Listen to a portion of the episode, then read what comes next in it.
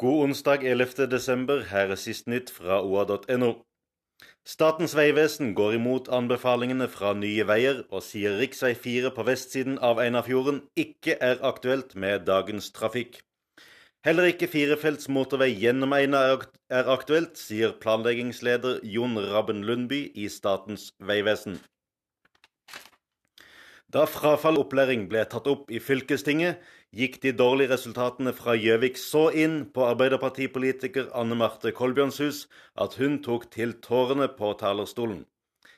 Jeg kjenner på ansvaret både som forelder og politiker, sier Kolbjørnshus til OA. Det blå-grønne styret i Toten ville i sitt budsjettforslag konkurranseutsette psykisk helse og rusomsorg i kommunen.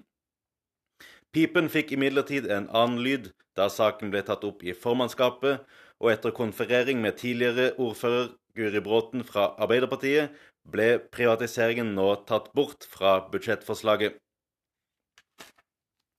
Eiendomsinvestor Halvor Morka fra Raufoss omkom i en kollisjon i alpinpakken på Kvitfjell ved Lillehammer 1.12. Ulykken, der en gutt i tenårene ble hardt skadet, etterforskes fremdeles av politiet. Følg med på oa.no for de siste og viktigste nyhetene fra Vest-Oppland.